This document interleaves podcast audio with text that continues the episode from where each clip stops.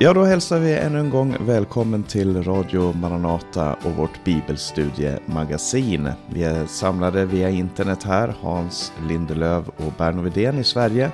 Jag är Paulus Eliasson, befinner mig i Rumänien. Och det vi talar om, som vi har talat om nu i 13 program och som vi, det här är det 14 programmet, det är patriarkernas liv. Eh, vi har gått igenom Abraham, Isak och Jakob och vi har nu kommit fram till Josef och hans bröder. Ehm, I berättelsen här så har Josef hamnat i Egypten. Ehm, han har varit eh, fånge där men han har också blivit eh, befriad ifrån fångenskapen då han tydde en av faraos drömmar. Det var där vi slutade sist. Ehm, och i de här kapitlen som vi ska dela med varandra nu, 42 44, så, så är Josef i Egypten och han möter då sina bröder som kommer till honom för att få mat. Eh, och som sagt, vi ska dela på de här texterna, men eh, jag ska börja med att, att dela med det, eh, det första kapitlet, kapitel 42.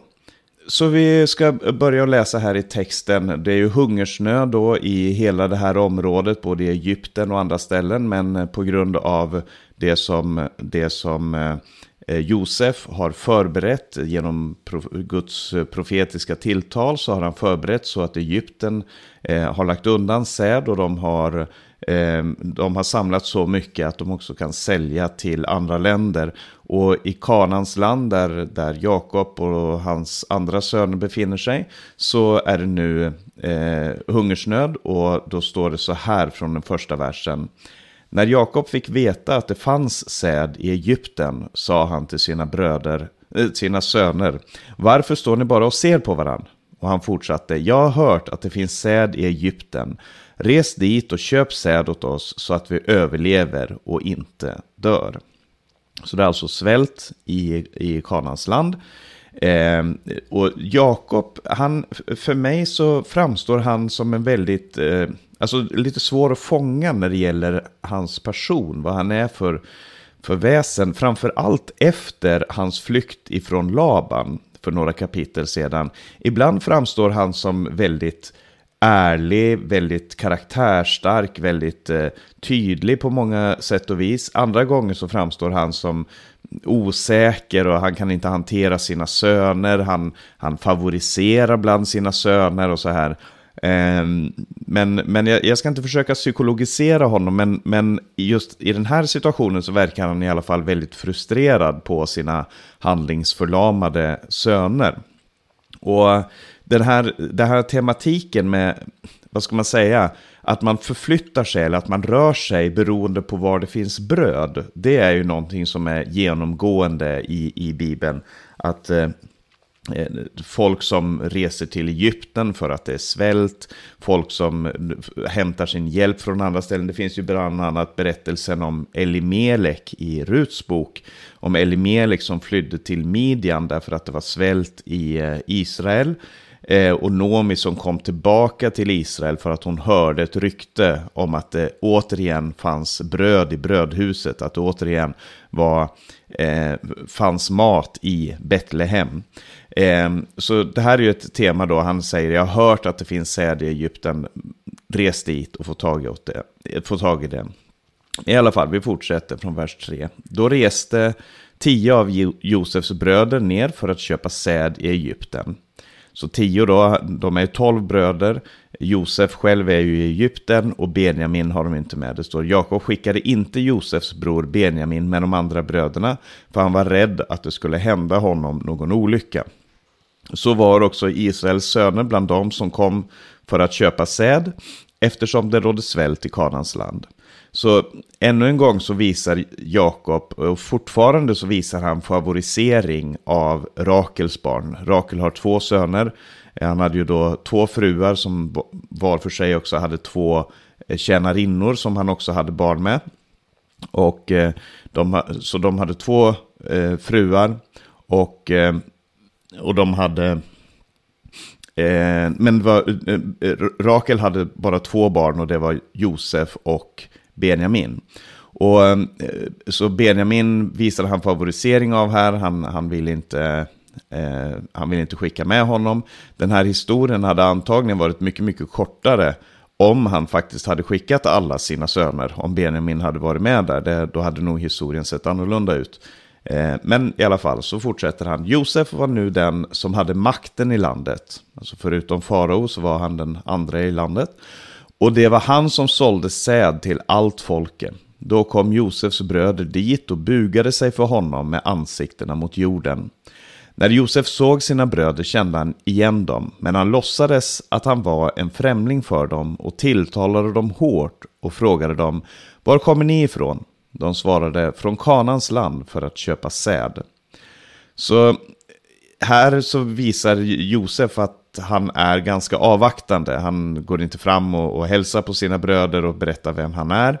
Han, eh, han eh, är lite avvaktande. Och en fråga som man ställer sig här och som jag nämnde i slutet av förra programmet är den här frågan.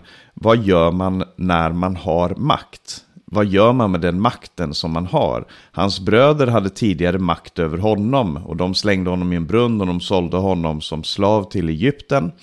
Eh, men frågan är ju vad kommer Josef göra när han har makt? Det är den ena frågan här. Och sen är det ju det här att det, står att de kommer fram och de bugar sig för honom med ansiktena mot jorden. Eh, det är ju helt och fullt en, en eh, uppfyllelse av Josefs dröm.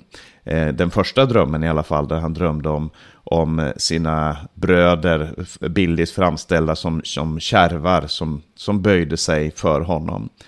Eh, och så fortsätter texten här då. Trots att Josef kände igen sina bröder kände de inte igen honom. Då tänkte Josef på drömmarna som han hade haft om dem. Han sa till dem, ni är spejare, ni har kommit för att se var landet saknar skydd. De svarade honom, nej herre, dina tjänare har kommit för att köpa mat. Vi är alla söner till en och samma man, vi är hederliga män, dina tjänare är inga spejare. Men han sa till dem, jo, ni har kommit för att ta reda på var landet saknar skydd. De svarade, vi, dina tjänare, är tolv bröder, söner till en och samma man i Kanans land. Den yngsta är hemma hos vår far och en lever inte längre. Och så här långt i historien så, så tycker man ju att, okej, okay, om, om man ställer sig frågan, vad gör man när man, har, när man har makt? Vad gör man med dem som har gjort en orätt? Jo, man hämnas. När man har makten att hämnas, ja då hämnas man. Eh, och det här känns ju till 100% som en slags upptakt till en hämnd. Eh, för att Benjamin, den enda brodern som det senare verkar som att Josef liksom har, Eh, ja, att det är den han har närmast känslor för, han är inte där. Så han kan nu bara anklaga dem för spioneri. Vem ska säga emot honom? Vem ska, vem ska rädda dem ifrån hans hand? Han är den näst mäktigaste i hela landet. Han, har, han, eh, han är känd som, som en eh, drömtydare och som en, som en som får sanningar ifrån Gud som andra inte kan se. Han, han har all möjlighet i världen att säga de här är spioner, kasta dem i fängelsehålet, gör vad som helst, eh, döda dem, eh, ja, vad det än skulle vara. Han har all makten, ingen kommer ställa frågetecken vid det. Och, men det Josef gör är någonting väldigt märkligt för att han, han prövar dem och han sätter dem på ett prov som, eh, när jag, har, jag har läst den här historien sedan jag var liten och jag, jag liksom, jag, tycker att det, jag har alltid tyckt att det har varit så komplicerat sätt som han sätter dem på prov på. Men ju mer jag läser den här historien, ju fler gånger jag kommer tillbaka till den, desto mer genialt tycker jag att det är. För han vill få fram eh, svaret på en fråga. Och frågan är, i vilken grad har tiden förändrat deras karaktär? Har, har de tagit in över sig vad det är de har gjort mot Josef, mot, hans, mot Jakob? Eh, och, och sättet som de behandlar varandra, eller ligger det fortfarande där? Och, och det är därför som han verkar som att på en, på en femöring här så kom han på en plan. Det står så här eh, från den fjortonde versen. Josef sa till dem, det är som jag har sagt er, ni är spejare. Så här ska jag pröva er. Så sant farao lever, ni slipper inte härifrån om inte er yngste bror kommer hit. En av er måste gå och hämta hit er bror, medan ni andra stannar som fångar, så kan jag pröva om ni talat sanning, annars är ni spejare, så sant farao lever. Eh, så Josef fortsätter den här, eh, det här skådespelet, eller vad man ska kalla det, och han iscensätter den här prövningen, som nu först är att en bror ska gå och hämta den sista brodern, medan de andra är kvar.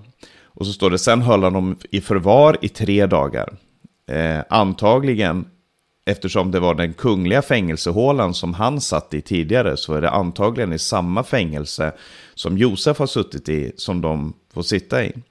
Eh, på tredje dagen sa Josef till dem, om ni vill leva, så gör så här, för jag fruktar Gud. Och där menar han alltså deras Gud, eh, Elohim. Om ni är hederliga män, låt då en av era bröder stanna som fånge här, eh, i huset där ni satt fängslade, men ni andra får resa iväg eh, och ta hem säden som ni har köpt till hjälp mot svälten hos er. Ta sedan med er yngste bror hit till mig, om ni talat sanning ska ni slippa dö, och de gjorde så. Eh, så här modifierar han lite, han har väl tänkt på att de behöver den här säden i familjen för att, eh, och, och, en broder kan inte ta med sig allt det som, som behövdes. Så han eh, säger att en av er kan eh, stanna, medan alla de andra får, eh, får resa och så kommer ni tillbaka med er broder och jag behåller en som gisslan. Och nu är ju frågan den här, för att det här är en väldig parallell till det som han upplevde, nämligen frågan hur kommer de agera mot en bror? Kommer de säga som förra gången att där är, låt oss bara sälja honom, låt oss göra oss av med honom och så får vi andra gå fria? Eller kommer de att eh, eh, göra det som, alltså rädda sin, sin systerbror? Och det är inte helt, helt klart vad som, vad som kommer hända i den här situationen. Men de börjar prata med varandra då på, på sitt språk. Eh, utan att de vet att Josef förstår det. Och det står från den 21 versen. Men de sa till varandra, vi har skuld efter det vi gjorde mot vår bror. Vi såg ångesten i hans själ när han bad om förbarmande, men vi ville inte lyssna på honom. Därför har vi själva kommit i denna ångest. Ruben svarade dem, sa jag inte till er att ni inte skulle synda mot pojken, men ni lyssnade inte på mig. Därför utkrävs nu hans blod. Men de visste inte att Josef förstod, för han talade till dem genom tolk. Så Josef, alltså eh, eh, saker och ting som vi inte fick veta när det stod om, när vi läste om hur de sålde Josef till, till eh, eh, slaveri, det är ju det här med hans dödsångest och, och, och, att han bad om förbarmande och att de inte lyssnade på honom. Eh, det, det lärde vi oss inte då, men, men tydligen så är det någonting som faktiskt har satt prägel på deras liv. Och Ruben, Ruben är förebrående mot sina bröder och säger att jag, jag sa att vi inte skulle synda mot pojken. Så de har i alla fall kommit till den förståelsen att det de gjorde faktiskt var en synd.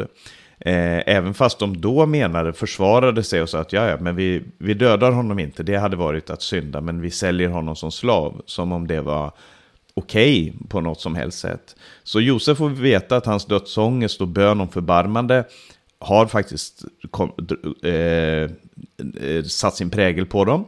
Och de minns vad de har gjort och de kan, de kan inte se att det här är deras bror. Det hade varit alldeles för märkligt om den här eh, faraos närmaste man var deras bror. Men de minns sin bror. Och de förstår att det här som sker nu, det, är en, det har att göra med det här. Vi hamnade i den här situationen på grund av det vi har gjort. Och de visar att som sagt att de, att de förstår att det inte bara var en, hade varit en synd att döda Josef, men också det de gjorde då. Och sen kommer de, den, de sista verserna här. Eh, han, han, förstår ju, han förstår vad de säger och så står det, han vände sig bort från dem och grät. Sedan vände han sig till dem igen och talade med dem, och han tog Simeon från dem och lät fängsla honom inför deras ögon. Josef befallde att man skulle fylla deras säckar med säd och lägga tillbaka vars och ens pengar i hans säck och ge dem mat för resan. När man hade gjort så lastade de säden på sina åsnor och reste därifrån. Och här är första gången och absolut inte sista gången som det står att Josef grät. Det kommer tillbaka många gånger i texten.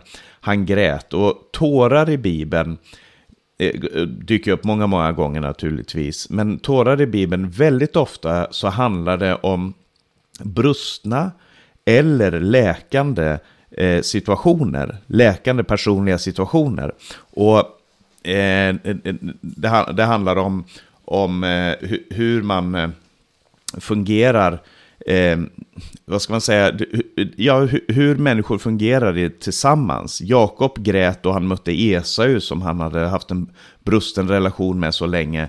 David grät och han mötte Jonathan för sista gången när han förstod att han aldrig skulle få möta honom igen. Eh, Jesus grät vid Lazarus grav därför att han var död, även fast han visste att han skulle uppstå igen.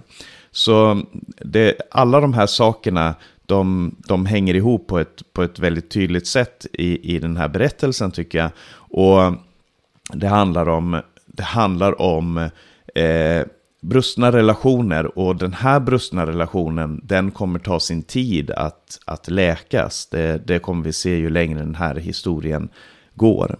Eh, men vi ska få, alldeles strax få se lite vad, vad som händer med, med Josefs plan här när, när Hans tar oss vidare in i texten. Men kanske Berno, har du några tankar om, om det här kapitlet först? Mm, jag tänker, det har, det har ju gått en väldigt lång tid här, 20 år i varje fall, sen eh, bröderna sålde Josef och begick det här illdådet mot honom. Och eh, på ett sätt är det som att nu har historien kommit ikapp bröderna. Nu kommer sanningen fram och det är så, allt kommer att uppenbaras. Och det, det, det, det är också bibliskt, en biblisk sanning som vi eh, faktiskt bör ta till oss. Just det här, det ska visa sig på den dag då Gud dömer det som är fördolt hos människorna. Jag tänker på, jag skulle vilja flytta perspektivet lite från Jakob just till sönerna. För eh, i första versen så reagerar Jakob så här, varför står ni bara och ser på varann? Jag tänker på bröderna här. Jakob, han kanske noterade en märklig reaktion hos sina söner. Något som gjorde att han utbrister på det här sättet. För det måste ha varit chockerande för Josefs bröder då att bli påminda om Egypten på det här sättet. De vi visste med en gnagande oro då att de hade sålt sin bror dit. Och hade nu levt med den här ohyggliga lögnen i 20 år. Och nu eh, är historien i dem så att säga. Och de är på väg att skickas till Egypten. Det måste ha varit något ja, väldigt chockerande för dem. Ja, precis. Och sändas till Egypten efter sin bror. Eh, ja, speciellt. Ehm, hans, du ska också få säga någonting om det här kapitlet och så ta oss vidare in i kapitel 43. Just det här att Josef befallde att man skulle fylla deras säckar med säd och lägga tillbaka vars och ens pengar i hans säck och ge dem mat för resan. Det gjorde han alltså utan att de visste något om det. Och det har ju sin betydelse för det vi ska läsa vidare nu här. Och då heter det som så då, från vers 27. Men när en av dem öppnade sin säck vid en rastplats för att ge sin åsna foder fick han se sina pengar ligga överst i säcken. Och han sa till sina bröder, jag har fått tillbaka mina pengar, titta här, det är i min säck. Då sjönk deras mod och darrande av skräck sade till varandra, vad har Gud gjort mot oss? Jag är lite störd av det här att de darrade av skräck. Så jag har undersökt hur andra översättningar. Ja, det faktiskt handlar om att de bävade. De bävade. Men frågan vad har Gud gjort mot oss? Det är liksom som nästan en anklag, darra av skräck och ställa frågan vad har Gud gjort mot oss? Det är lite grann tycker jag en anklagelse mot Gud. Jag är inte så säker på att det är det här. Utan de bävade. De var verkligen eh, på något vis. Det kanske även fanns en, ett visst mått av positiv förväntan. Jag, jag ska inte säga för mycket. När de kom hem till sin far Jakob i Kanans land, berättade för honom allt som hade hänt dem och sa Mannen som var herre där i landet talade hårt till oss och behandlade oss som om vi var spejare i landet. Men vi sa till honom, eh, vi är hederliga män, vi är inga spejare. Här står de och talar med Jakob och säger att de hade sagt till den mannen som de hade mött i Egypten att vi är hedliga män. Jag undrar vad Jakob tänkte då. Lite grann med jämförelse av vad han själv var att säga om sina söner. Men det var i alla fall det de sa. Vi är hedliga män, vi är inga spejar. Vi är tolv bröder, söner till en och samma far. En lever inte längre och den yngste är hemma hos vår far i Kanans land. Ja, de redogör ganska samvetsgrant för samtalet med Josef som de inte visste att det var Josef. Mannen som var herre i landet kallar de honom. Mannen som var herre i landet svarar oss. Så här ska jag ta reda på om ni är hederliga män. Lämna kvar en av era bröder hos mig. Ta det ni köpt mot svälten hemma hos er och res iväg. Kom sedan med er yngste bror hit till mig så, så att jag kan vara säker på att ni inte är spejare utan hederliga män. Då ska jag ge tillbaka er bror till er och ni ska få röra er fritt i landet. Och när jag läser det här då tänker jag ju på alltså att Josef faktiskt, han hade ju ett väldigt strängt krav till att börja med. Som Paulus läste här, då han begärde att alla skulle stanna utom en. Alla skulle stanna och en bara skulle återvända. Men sen så, när de hade suttit i förvar i tre dagar så kom han till dem och umgicks lite mer förtroligt och sa att de skulle göra som sa att de skulle skicka bara en. Och det här eh, är ju också någonting som gör att de kanske, kanske inte skulle vara så förskräckta över att det låg pengar kvar i deras, i deras eh, säckar. Men eh, vi läser vidare här då i 35 versen, när de sedan tömde sina säckar, samtliga alltså, då hittade var och en sin pengapåse i sin säck. Både de och deras far blev förskräckta när de fick se pengapåsarna. Och deras far Jakob sa till dem, ni gör mig barnlös. Josef är borta, Simon är borta och Benjamin vill ni också ta ifrån mig. Allting är emot mig. Det är ju en väldigt negativ tolkning nu av det här att pengarna låg kvar i säckarna. Och att överhuvudtaget situationen var som den var. Ni gör mig barnlös. Josef är borta. Simon är borta. Och Benjamin vill ni, vill ni också ta ifrån. Det var ganska så kärvt. Ruben sa då till sin far, du får döda båda mina söner om jag inte för Benjamin tillbaks till dig. Anförtro honom åt mig. Jag ska föra honom tillbaka till dig. Men Jakob svarar, min son får inte resa dit med er. Hans bror är död och han är ensam kvar. Om någon olycka skulle hända honom på resan ni tänker, tänker göra skulle ni föra mina grå hår med sorg ner i dödsriket. Jakob är väldigt svår här. Det är precis som att han bara har två söner. Den ene är Josef som är död och den andra är Benjamin, den enda han har kvar. Och Ruben träder fram här lite grann då. Eh, samma ton som, som när de var beredda att och, och, och döda Josef. En gång Ruben sa ju ifrån då. Och lite, han är ju äldste brodern då. Eh, men någonting som är intressant här som vi ser, det är det som sker nu när vi läser vidare och, och i kapitel 43 då några verser om Josefs bröder och hur de återvände till Egypten. Men svälten var svår i landet. När de hade ätit upp säden som de hade hämtat från Egypten sa deras far till dem. Res tillbaka och köp oss lite säd. Men Juda, här kommer Juda. Juda svarade honom. Mannen sa uttryckligen till oss. Ni får inte komma inför mitt ansikte om inte er bror är med er. Om du låter vår bror följa med oss reser vi ner och köper säd åt dig. Men om du inte låter honom följa med oss reser vi inte. Eftersom mannen sa till oss. Ni får inte komma inför mitt ansikte om inte er bror är med er. Då sa Israel. Varför gjorde ni så illa mot mig att ni berättade för mannen att ni hade en bror till? Det svarade mannen fråga noga om oss och vår släkt. Han sa, lever er far ännu? Har ni någon bror?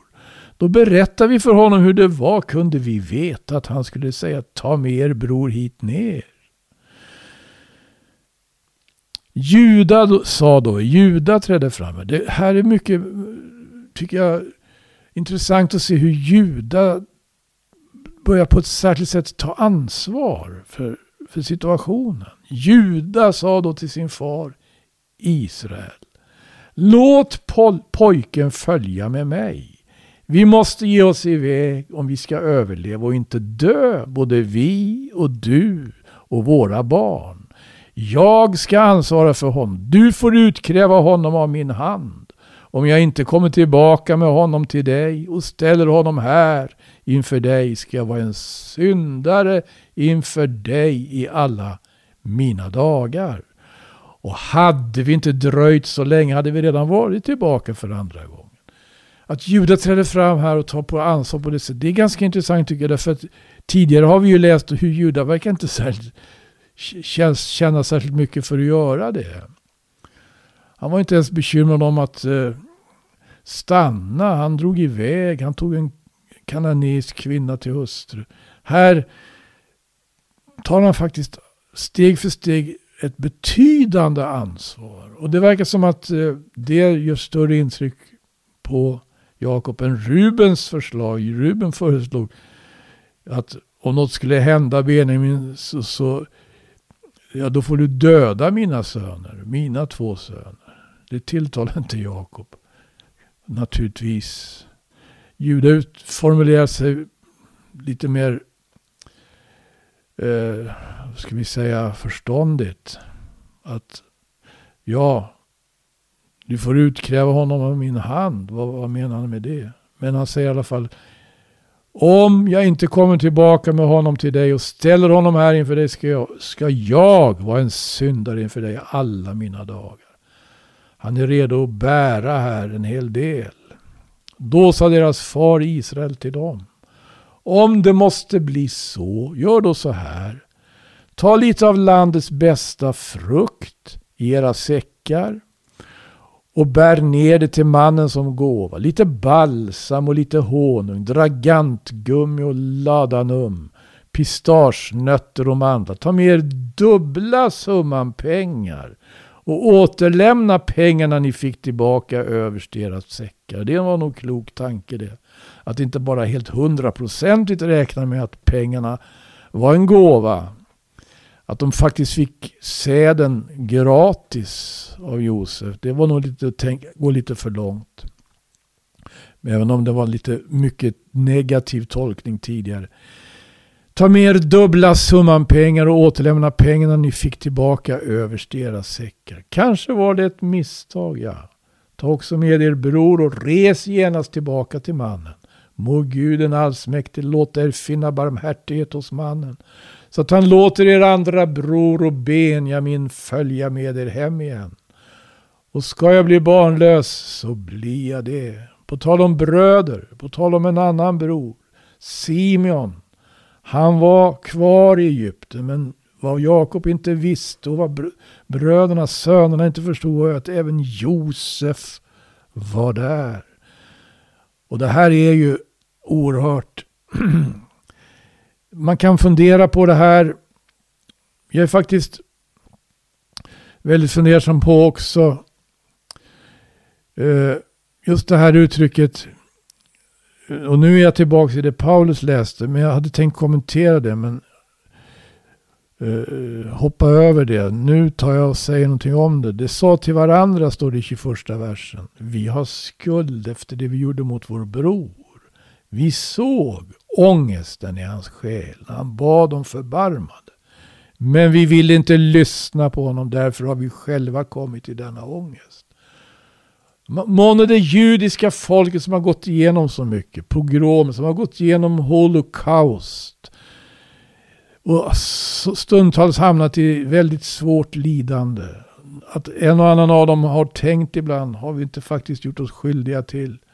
Att vålla någon lidande. Att deras tankar kanske har gått till Jesus som en gång verkligen hade en väldig ångest. Även fast det var mest hans lärjungar. Närmaste lärjungar som såg det. Men de fick i alla fall, det judiska folket, deras, om man säger, överste präster och hela folkhopet som stod där. När, när Pilatus förhörde Jesus, se att det var en jude, en jude bland judar som drabbades av ett oerhört lidande. Kanske en och annan som var med om Holocaust. Jag vet inte, jag har inte så mycket belägg för det. Men vi vet när vi läser det profetiska ordet att det förbereds det förbereds för ett möte. Då han ska stå med sina fötter på Oljeberget enligt Sakarjas 14 kapitel. Och Oljeberget ska rämna. Och de ska se upp till honom som det har stungit. Det finns mer i den här berättelsen om Josef och bröderna i Egypten. Det finns också andra sidor. Men jag tror jag hejdar mig här. Ja, tack ska du ha Hans. Eh, det är mycket som händer i, i den här texten som du läser från både från 42, 42 och 43. Han, han, jag tänker lite på det här, Jakobs reaktion här. Ni gör mig barnlös och allting är emot mig. Han, han verkar verkligen som att han, han bär på ett djupt och eftertryckligt eh, trauma, eh, Jakob. Eh, som, som har sin grund i, i i det som har hänt med Josef och, och, hans rädsla för att förlora det han har. Det är ju ofta man, se, man ser det att eh, människor som har förlorat någonting eller som, som har varit väldigt rädda för att någonting ska hända. Då efteråt så blir det ett, ett varan, blivande trauma som handlingsförlamar. Eh, nu är han rädd för, han har förlorat Josef, han är rädd för att eh, han har förlorat Simeon också. Och han är inte beredd att att eh, utsätta Benjamin för någon risk för att eventuellt rädda Simeon. Så Simeon blir ju, får ju vara där, eh, fånge i det här landet under väldigt lång tid. Eh, på grund av Jakobs rädsla för Benjamin. Eh, och jag tycker hela den här berättelsen andas verkligen autenticitet. Eh, det, det, är så väldigt ja, reaktionerna och diskussionerna, samtalen här har en, har en eh, väldigt autentisk prägel. Man känner nästan att man är där i rummet med dem och, och samtalar om det här och, och ser hur de väldigt naturliga reaktionerna eh, framstår. Men också så, så sakta men säkert så, så börjar man få klart för sig både Josefs plan och tanke, men också Guds plan i det, i det stora här. Och det, det tycker jag är helt fantastiskt i den här berättelsen. Eh, eh, Berno, vad, du, du får kommentera på det som Hans har läst här också och ta oss vidare. Mm. Jag har full förståelse för de här reaktionerna som, som både bröderna och Jakob visade då. Man blev förskräckta över det som hände. Det, dels första anklagelserna som jag har läst om då. Sen, sen det här att de hittade sina pengar i säckarna. Det, det måste ha varit, ja, eh, också, vad ska man säga, chockerande. Och för vilka konsekvenser skulle det kunna föra med sig? De, det, det, handlade om eh, en faraon, alltså i Egypten, en härskare som hade makt att kunna eh, göra vad han ville med de här bröderna. Och, och sen Jakobs eh, skräck också inför allt. Jag tänker hur, hur minnet kommer upp, hur Josefs eh, togs ifrån honom. Och, eh, och nu eh, det här att de, eh, det, jag menar det, det, var, det var en svår situation. Det var ju svält i landet. Det var svält över hela eh, områdena där, alla länder. Folk kom från alla länder och det var Egypten som var den stora frälsaren egentligen i den här situationen. Och eh, eller som Juda utropade, vi, ska vi överleva och inte dö, ja då måste vi tillbaka, då måste vi vända tillbaka till Egypten. Det var mycket förskräckelse. Eh, jag ska läsa de återstående verserna här i 43 kapitlet. Börjar med vers 15 till 18. Det står, då tog männen gåvorna och den dubbla summan pengar. De tog med sig Benjamin, bröt upp och gav sig iväg till Egypten och kom inför Josef. När Josef såg att Benjamin var med sa han till sin husförvaltare. Ta dessa män till mitt hus. Slakta något och laga oss en måltid, för männen ska äta middag med mig. Mannen gjorde som Josef hade sagt och tog männen till Josefs hus. Men männen blev förskräckta när de visades in i Josefs hus. De sa, det är på grund av pengarna som vi fick tillbaka i våra säckar förra gången som vi förs in här. Nu tänker han kasta sig över oss och övermanna oss och göra oss till slavar och ta våra åsnor. Ja, ta dessa män till mitt hem, slakta ett djur, gör i ordning, för de ska äta middag med mig. Det här var självklart ovanligt, ett ovanligt intresse, en konstig vänlighet. Så bröderna måste ha undrat varför den här mäktiga egyptiske tjänstemannen visade sånt intresse för dem.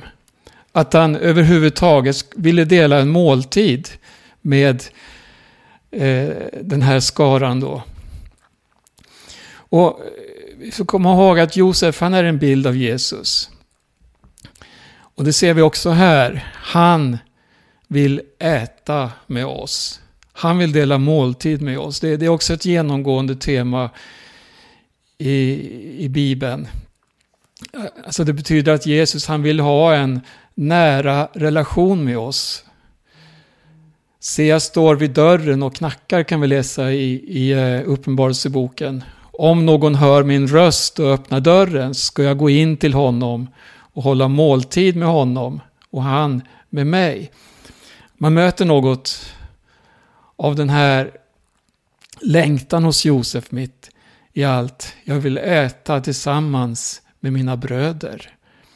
De förstod inte det här, de, de visste ju inte det här än. Utan de var ju de som bar på den här enorma skulden som nu leder dem in i en svår ångest. Männen, de var rädda, de hade förts in i Josefs hus. Kanske fruktar de att vänligheten då från den här egyptiske ledaren bara var för att förbereda, arrangera deras straff. De skulle ju till och med kunna bli avrättade. Eh, I vers 19. De steg fram till Josefs husförvaltare vid ingången till huset och sade till honom Hör på oss, Herre. När vi var här nere förra gången för att köpa säd och sedan kom till en rastplats och öppnade våra säckar hittade alla vi våra pengar till deras fulla vikt överst i sin säck. Nu har vi med dem tillbaka och vi har med oss andra pengar för att köpa säd. Vi vet inte vem som har lagt pengarna i våra säckar. Han svarade, Oroa er inte. Var inte rädda. Det är er Gud och er fars Gud som har låtit er hitta en skatt i era säckar. Jag har fått era pengar och han förde ut Simeon till dem. Ja, redan innan de kom in, alltså redan vid husets dörr, så ser vi här hur bröderna tyckte det, det var klokt att förklara saker och ting för eh, hovmästaren innan de var tvungna att eh, förklara för den egyptiske härskaren.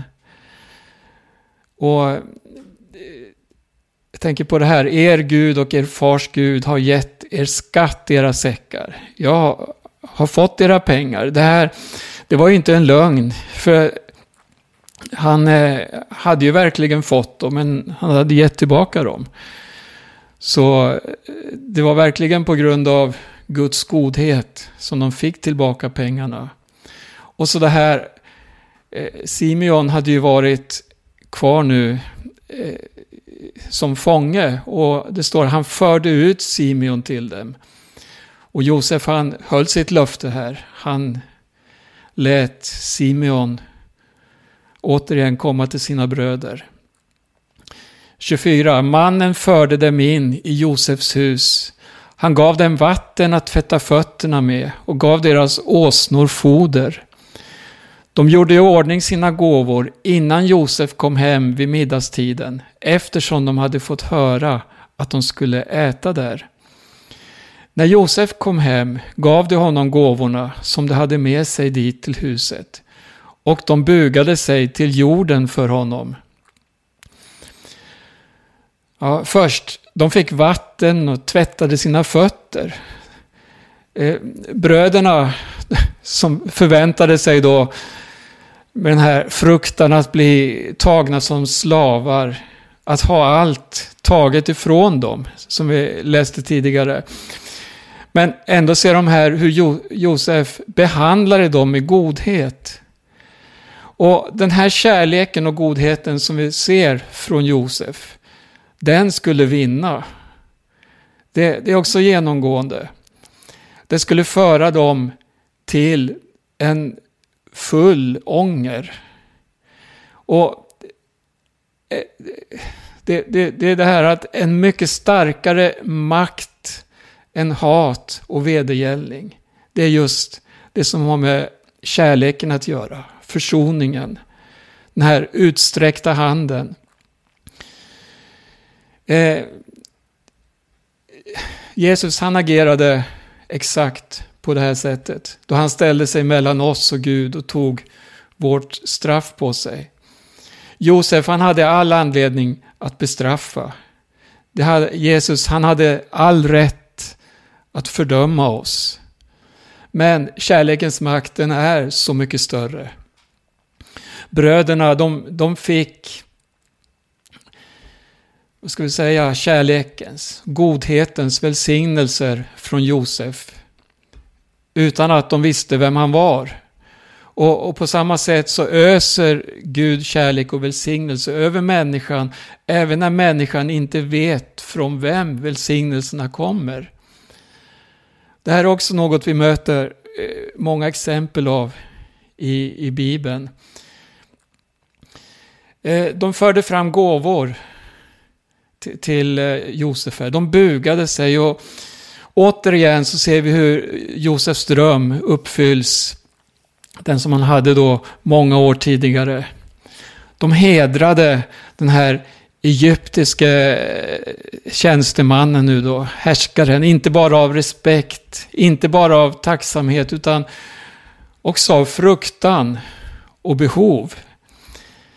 Att känna att vi behöver Jesus, det kommer att sporra oss att ge till honom och tillbedja honom. ja, jag vill läsa vidare i vers 27. Han hälsade på dem och frågade Är det bra med er gamle far som ni talade om? Lever han än? De svarade Ja, det är bra med vår far, din tjänare. Han lever än. Och de bugade sig och föll ner för honom. När han såg sig omkring och fick se sin bror Benjamin, sin mors son, frågade han Är det er yngste bror som ni nämnde för mig? Sedan sade han Gud ska vara nådig mot dig, min son. Djupt rörd av kärlek till sin bror skyndade Josef sig ut och letade efter en plats där han kunde gråta. Och han gick in i sin kammare och grät där. Josef frågade om deras välbefinnande. Han visade en ovanlig personlig omtanke om, om de här bröderna och deras familj. Och ett sätt som han inte behandlade kornköpare på i vanliga fall. Men vi förstår att det var hans hjärta som längtade efter sin bror. Nu stod Benjamin där. Han påverkades eh, påtagligt av mötet här med sitt enda helsyskon, Benjamin. Och eh, han, de skilde sig åt. Josef var 17 år. Benjamin, han var en liten pojke. Och han blev så överväldigad av känslor att han gick in i sitt rum och grät. Han var ledsen och känslosam eftersom ja, han, han tilläts aldrig ha en nära relation med Benjamin. Den fråntogs honom. Men nu står Benjamin där. 31. När han hade tvättat ansiktet gick han ut igen, behärskade sig och sa Sätt fram maten. Och de satte fram särskilt för honom, särskilt för dem och särskilt för egyptierna som åt tillsammans med honom. Egyptier får nämligen inte äta tillsammans med hebreer. Det anses avskyvärt bland egyptierna. Josef, han åt inte med sina bröder eftersom Egypten vid den här tiden var en av de mest, eh, ska man säga, separerade samhällena på jorden. Man trodde att egyptierna härstammade eh, från gudarna på ett sätt. Det var ett folk med högre status, eh, med ett eh, betydande ursprung. och eh, Det förekom också, när man läser historia om Egypten, just det här umgänget med utlänningar under, under Josefs tid. Det var väldigt begränsat. Socialt umgänge. Just egyptier levde med egyptier. Och egyptierna skulle inte äta med Josef. Än mindre med främlingar från kanan. Och jag tänker, Josef han åt för sig, trots all hans status och makt så eh, kunde han inte dela en måltid som om han vore en riktig egyptier. Och, och, och det här... Det, eh, jag tänker på allt som skedde sen. Jag tänker på Guds visdom. Hur Gud agerade. Eh, innan eh, första Mosebok tar slut så ser vi hur Gud eh, han för hela Jakobs familj till Egypten. Och där levde de isolerade utifrån egyptisk tradition och eh, se då i, från de här omgivande folken. Man bevarades som ett folk i 400 år. De förökade sig och blev alltså ett folk i Egypten. Jag tänker då, om Gud hade tillåtit dem att förbli i kanan. Det var ju eh, risken för att assimileras med de korrupta och gudlösa folken vi kan läsa om där. Den, var så mycket större. Men Gud, han sände dem till Egypten. För det var ett Guds folk som skulle formas, det var ett Guds folk som skulle växas till med en identitet. Och nu levde, eh, utvecklade det sen då, och det, det kommer vi till senare. Men man, man blev alltså en nation under slaveri. Eh, det eh, finns många lärdomar i, i hur Gud handlade. Han placerade dem bland ett folk som rasligt separerade folk från varandra. Som man inte skulle blanda sig med eller gifta sig med. Ja, bara några tankar. Eh, jag ska läsa de sista verserna här också. Och det är också märkligt. De fick sina platser mitt emot Josef, den förstfödde, enligt sin förstfödslorätt. Sedan de yngre, var och en efter sin ålder. Och männen såg förundrade på varandra. Han lät servera dem av rätterna på sitt bord. Och Benjamin fick fem gånger så mycket som alla de andra. Och de drack sig glada tillsammans med honom. Ingen undran att bröderna här var fyllda av förvåning. Den här ordningen kunde ju inte ske av en slump. Om man ska se statistiskt så är ju oddsen att placera 11 bröder exakt i, i födelseordning, ungefär en på eh, 40 miljoner läste jag någonting om. Men eh, så var det. Och de satt där förvånade, förundrade, förskräckta över allt som ägde rum. Och eh, att Benjamin, han fick fem gånger så stor portion som de övriga. Det kan också varit ett test för att se hur reagerade de yngre bröderna nu när, förlåt, de äldre bröderna nu när eh, Benjamin favoriserades. Eftersom de ogillades så mycket när Josef hade fått sina fördelar utav sin far. Nu ville Josef se, har det skett någon förändring i brödernas hjärtan? Eller var de samma män som kastade honom i en grop och var döva för hans rop efter hjälp? Det här kan ha varit eh, ett motiv. Men ja, han ville se klart. Han undrade om de skulle ta hand om Benjamin på, på, på resan som, som de förstod att jag, som de, miss, ja, de misslyckades att göra med Josef. Eller skulle de behandla Benjamin på samma sätt? Av avundsjuka. Eh, vi kan förvänta oss att om vi misslyckas någonstans i vår prövning så kommer ju Gud att se till att vi får prövas igen vid ett annat tillfälle. Det är något av det vi möter. Gud kommer igen, ger en ny chans, en ny möjlighet. Och det här är en allvarlig anledning till oss alla att söka i allt bli lika Herren i den här utgivandet. I den här kärleken som Josef visar sina bröder. Jag tror jag stannar där så får vi gå in i nästa kapitel, nästa program. Tack. Mm. Amen. Ja, det är eh, spännande texter här och mycket att, ta tag i. Eh, Hans, har du några tankar om det som eh, Berno har läst här? Ja, när jag har läst det här så har jag funderat på just, just det här hur Josef favoriserar Benjamin framför, framför de andra bröderna. Och liksom, det är ju liksom, lite grann en omvänd svartsjuk. Han, han, han är liksom lite svartsjuk när det gäller Benjamin och angelägen om att eh, markera liksom. Att de, de är i alla fall helbröder. Och,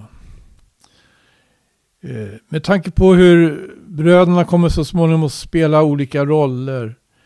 Är intressant tycker jag.